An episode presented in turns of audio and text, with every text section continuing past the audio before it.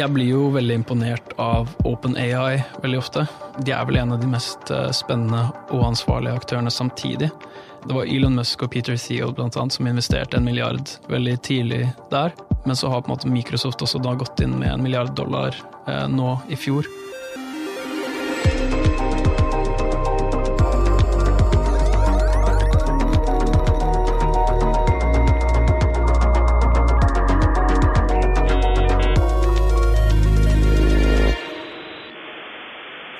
Jeg er Sebastian Storvik, du hører på Dobbeltklikk. I dag skal vi nok en gang prate om kunstig intelligens, og jeg har fått med meg en som heter Alex Moltau. Velkommen. Hei sann. Du har et prosjekt gående som jeg fikk høre om, og som jeg syns høres litt eh, vilt ut. Du skulle skrive 500 artikler om AI, én hver dag. Ja. Og nå er du nesten halvveis. ja, nå er jeg på dag 245. Hvordan i alle dager fant du ut at du skulle gjøre det her? Det var jo et eh, Ja. Det var jo litt sånn eh, rar prosess på det, men det var, jeg tror liksom en del av det var når jeg snakket med noen våpenforskere om autonome våpensystemer. Eh, Men jeg hadde en interesse for andre typer temaer før, da, som klima og, og litt mer hvordan vi kan ta vare på verden. Og så jeg tenker at det blir fort en Og da var det Kongsberg som var de du ville prate med? Ja, altså det var jo Det var jo når jeg holdt et foredrag der, kan du si. Men uh, jeg tror man innser at, uh, at det kan brukes uh, typ veldig fornuftig til å på en måte ta vare på verden, men det kan også brukes til kjipere ting. Men det, da blir det fort at det blir en sånn hyperbole, da. Eller at, at det blir sånn helt ekstremt. Og jeg tror at det, har, det pratet vi om før også, og det er andre som har pratet om det før, men dette med Terminator, HAL, alle disse synene vi har på kunstig intelligens, eh, og, og når vi snakker om sånn autonome systemer. Da. Men eh, maskinlæring eh, per dags dato er jo i hvert fall litt mer jordnært, på en måte, og kan brukes til liksom mer vanlige standardting. Så jeg tror det er viktig å tenke på begge deler, men sånn i veldig mange omganger så er det jo viktig å tenke på hvordan vi kan bruke teknologi på en fornuftig måte, og ansvarlig måte. Hvilken bakgrunn hadde du fra før, før du bestemte deg for å skrive 500 artikler om AI? Så jeg har litt management-bakgrunn eh, fra Storbritannia, men jeg har også da gått inn og studert eh, en samling med typ samfunnsvitenskap, eh, men også informatikkfag. Så det er liksom sosialantropologi, statsvitenskap, den type, de type fagene. Men også, så akkurat nå så er jeg liksom på en, en dobbel bachelor i kinesisk og sosialantropologi med en 40-gruppe i informatikk. Ja, så det er veldig sånn spredt bakgrunn. Men eh, jeg har også jobbet mye med unge, bærekraft og entreprenørskap. Da. Så det var på en måte klimaet som faktisk fikk deg inn i AI? Ja, det ble jo fort eh, en sånn eh, manglende diskusjon i, på veldig mange sånn AI- og teknologikonferanser. Mm. Um, for man er jo veldig i den eh, enten sånn utopia eller dystopia, og så på en måte glemmer man litt nåtiden i enkelte omganger. For det har jo vært store klimaprotester i hele verden gjennom 2019, eh, der hvor barn og ungdom har vært ute i gatene og sagt sånn Verden brenner. eh, Nok er nok. Ja, nok er nok, osv. Men det, jeg føler ikke at det nødvendigvis er like tilstedeværende i eh, teknologibransjen. nå. Men eh, herregud, de første 50 artiklene, hvordan, var det å begynne? Det var eh, veldig vanskelig, og det ble jo sånn å, skulle sitt, sette seg ned hver dag, eh, uansett hva du gjør, og så skrive i vei. Eh, spesielt også fordi jeg er gift, og, og eh, kona ble litt sur i starten. Ja. Men nå har det blitt en mye bedre rutine hos meg, og hun er fornøyd med det, og verden er veldig fin. ja. Det er litt Så- tidskrevende. Det, er, eh, det krever litt tid, men eh, sånn Det er jo veldig fint å investere tid i å prøve å forstå en eh, såpass spennende teknologi eh, som det skrives så mye om, og det prates så mye om, og som går også inn i så mange forskjellige deler av samfunnet. Eh, Det er utrolig spennende.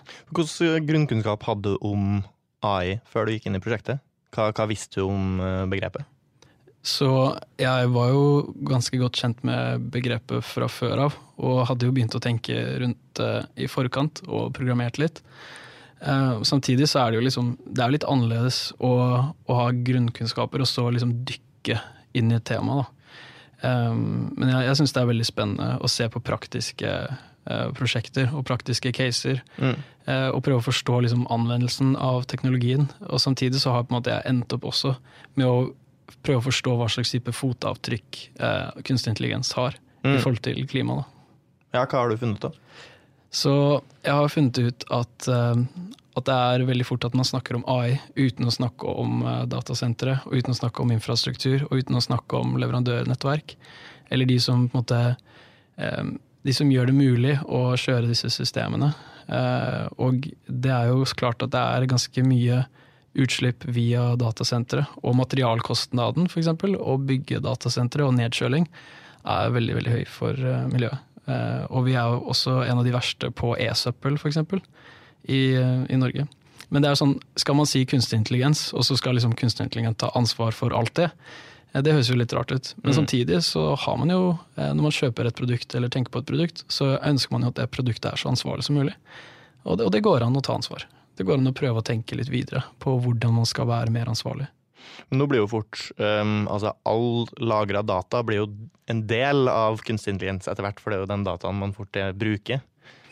Ja, og det er jo klart at uh, som man prater om det i sånn konferanse etter konferanse etter konferanse, er jo sånn der eh, stor data og Gi oss all din data, så skal vi forstå. Har du ingen data, så kan vi ikke gjøre noe særlig for deg. Så håper du har kontroll på dataene dine først, osv.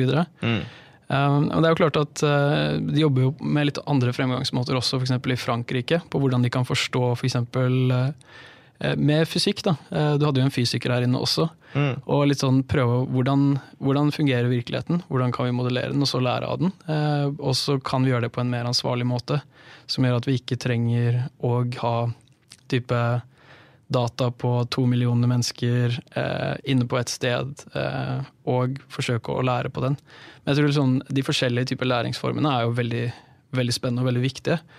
Eh, men det er også sånn står det jo også i GDPR, f.eks., General Data Protection Regulations, eh, at du skal også være veldig bevisst på hvilken data du tar vare på og ikke, ikke sant? i forhold til en forbruker. Da. Og det er egentlig ganske bærekraftig.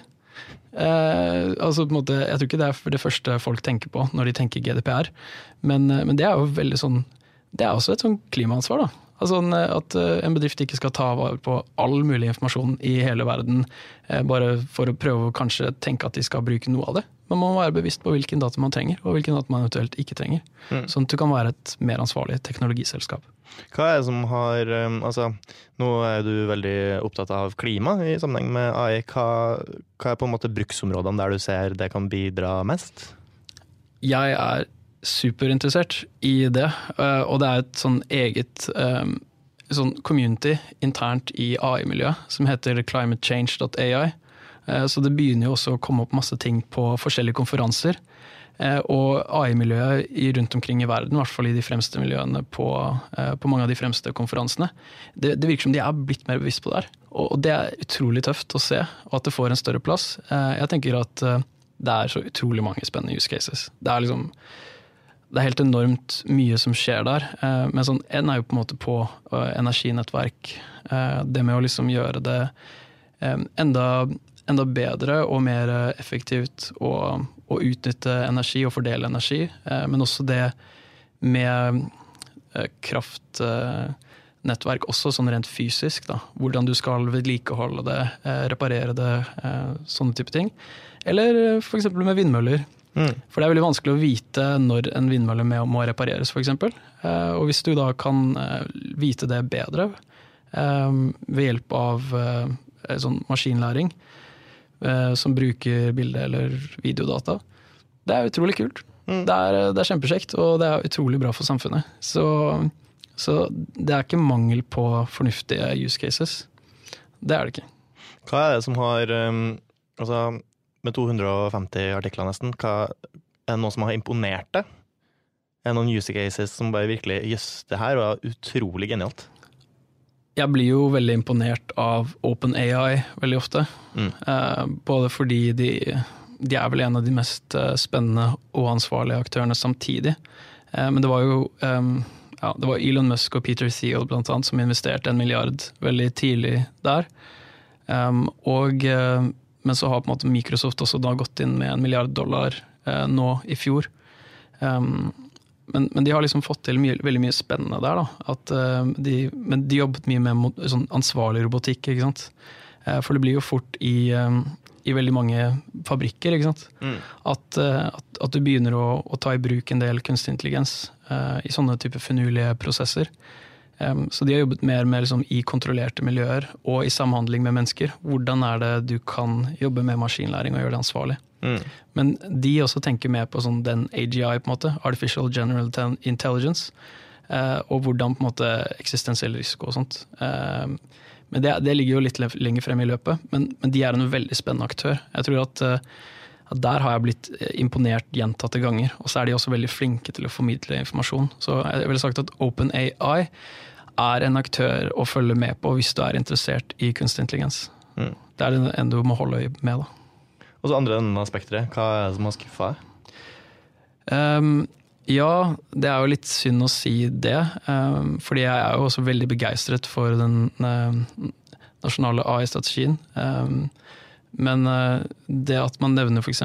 klima i første setning, og så ikke typ går uh, så veldig spesifikt inn på det, det, det, var kanskje litt skuffende. Og jeg hadde håpet at det var mer inkludert da, i mm. en norsk type nasjonal AI-strategi. Men sånn ellers andre skuffende ting det er vel at Jeg har sett mye på AI-strategier, så jeg har jo nevnt at jeg har lest mye på det. Men det er også sånn, mange av dem er ganske kjedelige, da. og sier mye av det samme. så det er fint når folk er litt spesifikke.